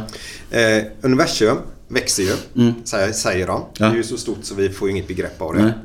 Eh, och då säger folk sådär att vi kanske, vårt lilla jordklot är en cell i en stor kropp. Ja. Någonstans. Ja. Är du med mig lite grann? Ja, jag är med helt och hållet. Eh, kan det finnas något? Det, kan- vet vi ju inte. Alltså det roliga med att vara människa det är just att man kan, man kan vidga sin tankebana och man kan spekulera och man kan liksom fantisera. Jag tycker det är det största med människan. Att man liksom har dem, att man bygger upp teorier och sen är det väldigt viktigt att man har en vetenskaplig grund också. Men inte bara det. Vi måste också få tänka fritt och jag tycker liksom alla tankar som är liksom Eh, ingenting omöjligt. Allt är möjligt. Och Det, alltså jag vet lika lite som alla andra kan man säga. Så att det är mycket möjligt att det är så eh, som du säger. Men däremot kan man säga om människokroppen i sig själv så är det jävligt intressant. Därför att cellerna i människans kropp är ju oerhört, har ju en enorm medkänsla och en tankeförmåga. Inte en intellektuell tankeförmåga. Men om man ska överleva så måste ju vissa celler dö för att andra ska komma till. När vi andas till exempel så får vi syreceller och sen de som, som då är förbrukade de andas vi ut och så kommer det in nya. Och grejen är om man ska, det är lite intressant om man ska lösa det här som folk då säger att vi ska få evigt liv, att vi ska leva för alltid. Då måste man söka i cancercellen. För cancercellen är en cell som inte dör utan som överlever. Det är därför den är så farlig. Den lämnar inte plats åt andra. Så att, och det är ju därför som cancer då är liksom, beter sig på ett sätt som gör att vi blir sjuka. Och tar man HIV till exempel, alltså aids, för, för till aids. Då är det så att HIV-cellen, den uppträder precis, den förklär sig till en normal cell. Den är som en sån här undercover-agent. Så att motstånds, varför vi inte har motståndskraft mot den, det är därför att eh, immunförsvaret hittar inte den cellen. Så att säga. Så det, det är liksom sjuka celler som kommer in i, i vår kropp givetvis. Men, men vad som också är att, vi, jag menar, överhuvudtaget så är ju människokroppen är ju helt fantastisk på det sättet. Att den hela tiden, alltså det är ju, vår kropp är ju, om vi då inte förstör den med massa öl och annat. Varför- Han pekar på mig nu. Ni ser ni inte, men han pekar på mig. Jag kastar lite sten i glaset känner jag. Men ändå. Så är den ju. Det är ett paradis. Alltså den är ju, den är ju, hade jorden, hade vi levt som människor som våra celler. Det vill säga att vi hade levt för varandra. Så som vår kropp gör för att överleva. Så hade vi levt i ett paradis. Men du, du måste ju läsa en jävla massa för du kan ju detta. Det låter ju jävligt att du har rätt. Liksom. Jag kan ju Ja, inte det detta. Men, inte. Det- men du måste ju läsa en jävla massa för att kunna, kunna säga det här som du säger. Jag läste mycket förr. Jag, ibland, jag har alltid gillat sådär populärvetenskap. Det är ju populärvetenskap. Det är klart att skulle jag så. Jag, jag kan lite, lite grann om mycket kan man säga. Men jag är inte sådär jättebildad. Det vill jag inte påstå. Men det har intresserat mig. Jag tycker det är kul därför att eh, Ibland är det farligt att kombinera liksom andlighet och vetenskap. Det kan, det kan slå helt fel och det kan bli jävligt konstigt och folk skriver de mest märkliga böcker om, om saker och ting där de försöker bevisa någon slags tes som de själva har. Men när man tittar på, på mysteriet, livet, människan, jorden, universum så är det ju liksom vi har att göra många liv innan vi har knäckt den gåtan. Det är rätt fantastiskt bara att bli stimulerad utav alla tankar tycker jag. Sitter, sitter du och grubblar på sånt Nej. dagligen? Eller, Nej, eller, men jag eller, tänker- bara för att vi snackar om det nu? Eller sitter du en dag så här, en timme och så... Nej, nej, nej, nej, nej. Det är inget. fjärilen kom dit. Nej, verkligen inte. Nej, det gör jag inte. Nej, jag är ingen sån. Ingen, ingen Sokrates som sitter så. Nej, absolut inte. Nej, men däremot tycker jag det är kul att prata om det som vi gör nu. För då kommer man igång och så snackar man om det. Och så vidare. Och det är säkert, skulle det sitta någon från något universitet nu så skulle blir de väl vansinniga på det jag säger givetvis. Men, men, Varför, varför skulle de bli det? Därför att jag säkerligen har fel på många punkter i det jag säger. Men så långt som jag har förstått det vill jag lägga till. Men det är, det är liksom min bild av världen och mitt sätt att se den. Och så vidare. Och den bygger på lika delar fakta som den bygger på liksom eh, fakta som kanske inte är 100% rätt alla gånger. För jag är ingen professor. Men jag tycker det är stimulerande att tänka och fundera och liksom snacka om det. För jag tycker det är liksom... Egentligen behöver vi ingen religion för mysteriet är så stort det vi lever i alla fall. Det är fantastiskt om man bara tittar. Men, när man sitter och säger... Ja, förlåt. Kör du. Nej, men jag bara undrar lite grann. Det måste finnas ett skäl till att du blev... Alltså, hur hittar du buddhismen? Alltså, det är ju inte bara något man... Idag ska jag bli buddhist. Utan det finns ju ett Jag tror att det är som Glenn sa. Varför den har appellerat mig är just därför att den bygger på sunt förnuft.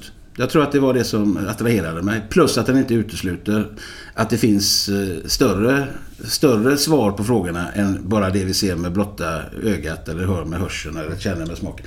Att det finns ett större mysterium runt oss. Så att jag tror att kombinationen av sunt förnuft och att inte utesluta att, eh, att eh, både vi som människor och det vi ser omkring oss är mycket, mycket större än vad vi begriper. Det, är liksom, det, det tror jag är orsaken. Men vad tror du att gemene man mm, tycker och tror om dig?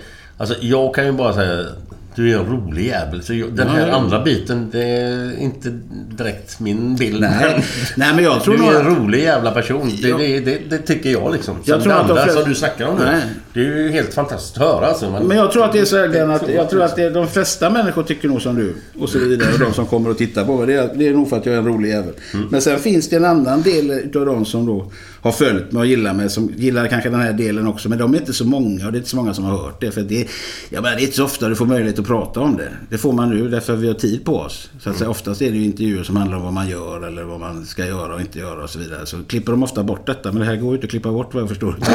Allt kommer med. Så att, Allt är med. Ja, så. Men jag menar, samtidigt är det ju mitt jobb är ju mitt jobb. Sen, sen kan man ju säga att det färgar ju mitt jobb mycket. Min vilja till improvisation och till, till att leka bygger ju mycket på min syn på livet i övrigt. Så kan man säga. Så att det Men ena vad tycker du bäst om? Eller är det både och?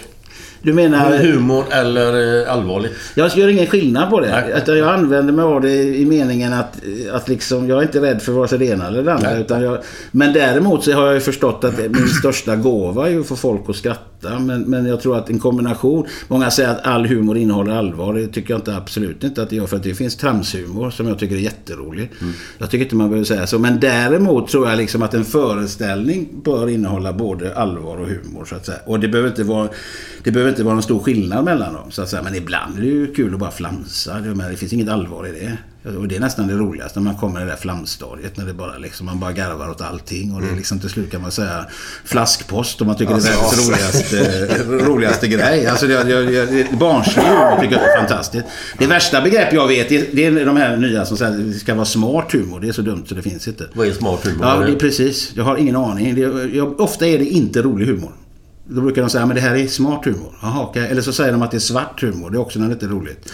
En slags undanflykt för att de inte har lyckats göra jobbet och få en publik att skratta. Har du någon mer förebild än ja, Lenny Bruce då? Men har du någon mer så... så, så Robin Williams tyckte jag var fantastisk. Alltså komikern Robin Williams. Han stod livet alltså. Ja, precis. Han tyckte jag var en... Han var liksom... Han var ett universum i sig själv. Alltså en sån improvisationsförmåga. En sån förmåga till associations... Att kunna se att liksom... Han var ju liksom någon slags väsen på, så på, sen till jorden. För att han det gick inte att begripa sig på honom. Han, det, jag vill inte utse genier så ofta. Men han var ett geni på riktigt tycker jag. Han var liksom komikens Mozart. Han var fullkomligt gränslös. Och Han... han eh, ursäkta Ja, jag gör inget. Men han, han, spelade, han spelade en film som hette någonting. Han var på ett sjukhus som Ja. läkare. Ja, just det. Där han, där han fick folk att skratta Ja, och de ja.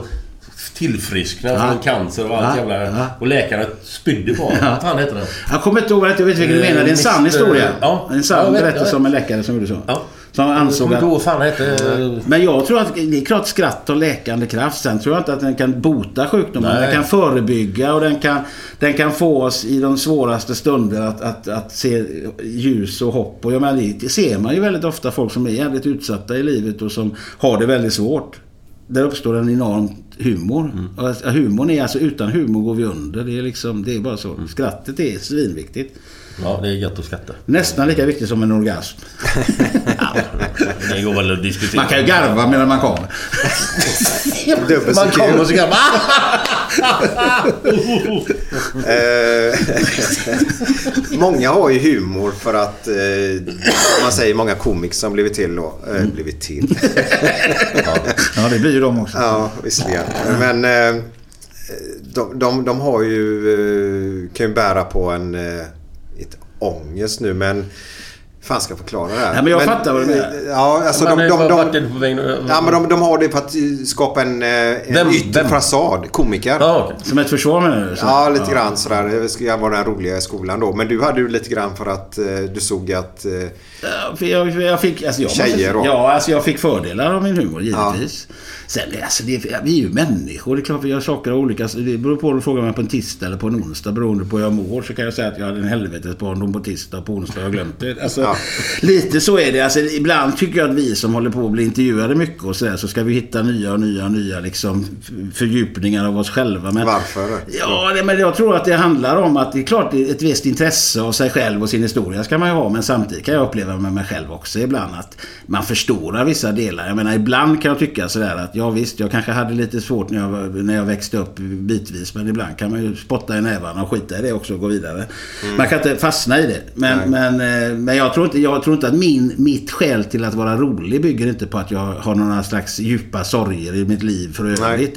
Nej, det känns inte så. Utan min, min, det, det, är liksom, det har jag säkert också. Men jag tycker det är kul att få folk att skratta. Och jag tycker det är väldigt roligt att skratta själv. Alltså skrattet i sig självt. Så länge det inte är fördomsfullt och liksom rasistisk skit och sånt där som man skrattar. Men om man skrattar bara. Det tycker jag är, det är liksom kul i sig självt. Ju äldre jag blir, men ju mer tycker jag att skratt i sig självt räcker gott. Jag behöver inte säga sanningar också. Men du, ja, förlåt men alltså i dagens... Eh, man får inte skämta om någonting nu för tiden. Nej, utan lite- man ska vara politiskt Ja, rätt. korrekt. Man får inte säga neger, man får inte säga dvärg, man får inte säga det, man får inte säga det. Alltså vad tycker du om det?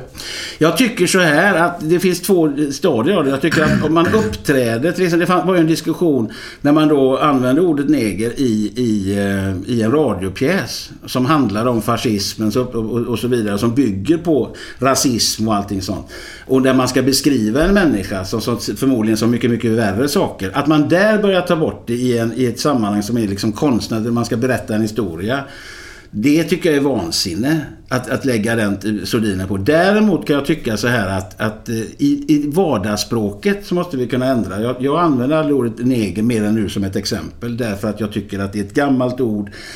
Som är, som är Men liksom... det är ju inte elakt ord. Nej, det behöver man... Det, man kan säga när det gäller ord, vad du än säger, kan man säga så här att det är, ju, det är ju tanken du har när du säger det som är det avgörande. Men om du har rätt tanke så kommer du inte att använda heller de orden. Därför att man kan säga så här, om det sårar människor att säga vissa saker, låt bli att säga det då. Säg svart istället så är problemet löst. Man behöver inte fastna i det, men jag kan hålla med dig om att det finns en politisk korrekthet idag som är, som är förlamande och som är fullkomligt åt helvete. Och det tycker jag. Och det, det, tror jag väldigt många människor reagerar på. Att det finns en elit som sitter och talar om för oss vad vi ska tycka och tänka. Och tycker vi inte exakt rätt sak. Och idag är det förfärligt. För tycker du inte exakt det som de som har bestämt vad vi ska tycka tycker. Då åker du ut med huvudet före. Och det är inget bra samhälle. Det börjar likna, tycker jag, liksom Sovjetunionen om jag ska vara ärlig. Så att även om det inte givetvis lever fortfarande demokrati och vi får säga det mesta. Men, men i vissa ämnen så tycker jag att det, det tangerar stalinism och det är ju aldrig bra. Det är klart vi ska kunna prata om saker och det är klart vi ska kunna säga saker och sen får vi be om ursäkt om vi har säkert sårat någon och så vidare. Men det bästa är ju att man, att man inte sårar folk i görligaste mån. Ja, ja, jag tror fan det. Men det, det, det är mycket så här att man måste tänka efter vad man ska säga och som, Ja. det, Så får du inte säga för fan. Nej, Nej, men håller vi oss till det. Alltså, ordet det- då. Men håller vi oss till det ordet då så tycker jag personligen att folk blir ju kränkta av det. Och det har Ja. ju varit ett nedvärderande ord. Ja, ja. Jo, men, Och dessutom är det så- men, men men, vi- men, du, om man säger det på engelska, nigger. Ja, fast det är om vi snackar om neger. Det är men- ju helt fruktansvärt. Ja, det är det. Det håller jag med om fullständigt. Men det- man kan- men inte, det är inte riktigt samma på svenska. Ja, men du kan inte sitta och säga Nej. det som, som en vit eh, f- Nej. f- 57-årig man. Nej men det är faktiskt så. Nej, men Nej, det är men riktigt. för- neger är inget elakt ord. Nej, men, du nej, men den det? personen Nej, som men får de det. som får det, alltså grejen är att man måste, där måste man förstå historien bakom. Man måste förstå hela liksom... Eh, Vi har... Ja, men det är det jag menar. Det är det Ja. jag menar. Då måste man tänka. Men tänka, man kan säga tänka, så här, tänka, den så här. dagen som vi säger så här, det var jag och så var det Jonny och så var det Lisa och Louise som var ute så här. Och man inte ens behöver nämna om det var en svart, en vit Nej, eller vad nej, det nu nej, var för någonting. utan att man pratar om oss som människor. Det är klart att det är, en, det är det bästa av allt. Men jag Ja, ja. tycker så här att som, som, eh, jag kan förstå de människor, eller jag har djup förståelse för att, att de människorna som inte tycker man ska använda ett sånt ord. Det är helt okej. Och framförallt är det som du säger, det är inte upp till mig att avgöra det. Och jag har inga, alltså har jag så fattigt vokabulär så jag bara kan beskriva en svart genom det ordet, ja men då får jag ju prata om någonting annat då, eller hålla käften. För det finns ju andra sätt. Alltså, är det det som är lösningen, låt oss skita i det så att säga. Därför att det finns allt för många som använder det som ett skällsord och då ska det inte användas. Nej. Och så vidare. Men däremot, jag menar jag gjorde ju som Ronny Jönsson det här neger Det på spårvagnen till exempel. Som jag tyckte var alldeles lysande. Som är en, som är en slags avympning av ett Lenny Bruce-nummer när han kommer in på en klubb i Harlem på riktigt i verkligheten och säger finns det några niggers i lokalen idag? Och så sitter han och säger och folk, det är lynchstämning där inne. Och sen så vänder han plötsligt och säger varför allt detta? Jo, det, är när ett ord förbjuds som det får makt. Tänk om vi kunde säga, sitta och säga nigger, nigger, nigger, nigger. Det ordet betyder ingenting längre. Till allt det som fyller ordet med hat och med våld bara försvann. Den dagen så kanske den sjuåriga lilla judeflickan slipper springa hem från skolan gråtande.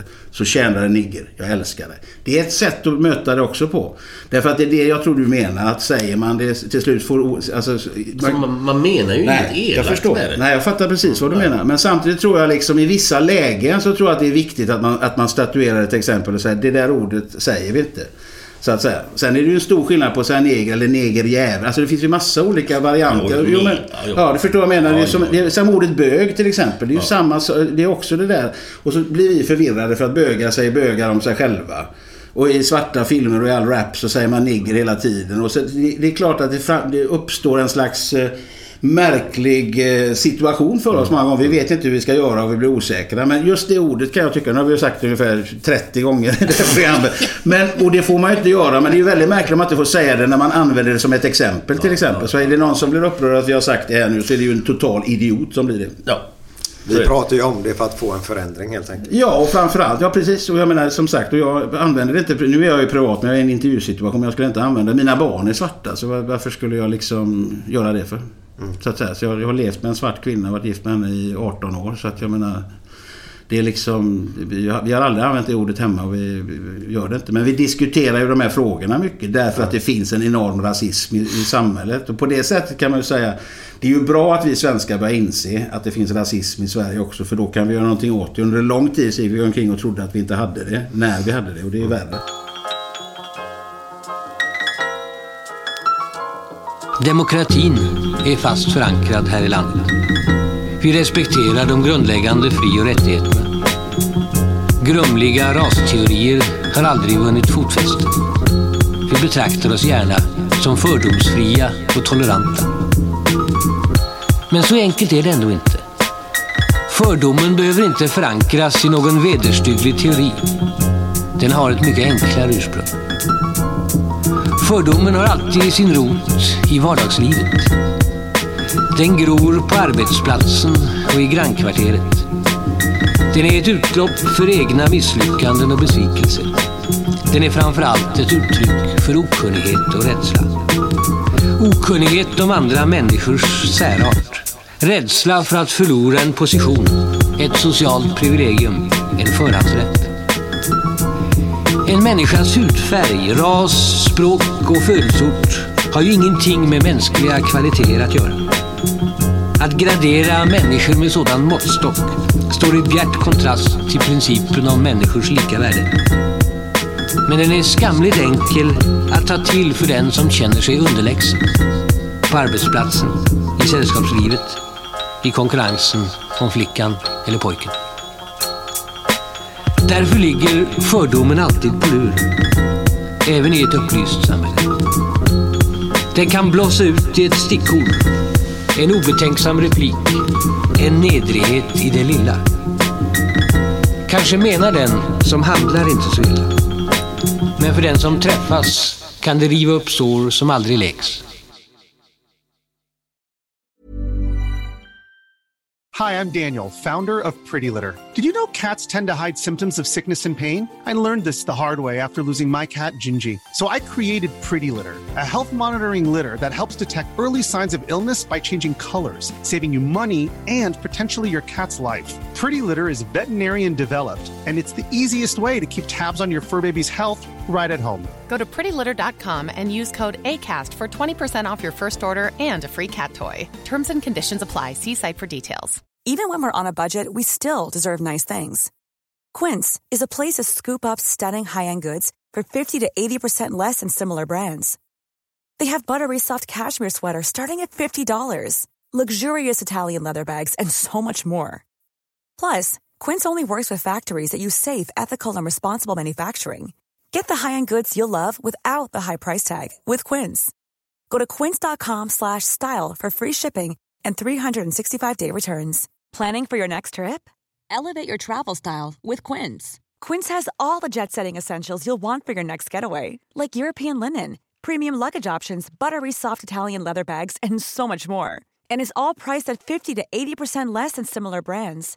Plus, Quince only works with factories that use safe and ethical manufacturing practices. Pack your bags with high-quality essentials you'll be wearing for vacations to come with Quince. Go to quince.com slash pack for free shipping and 365-day returns.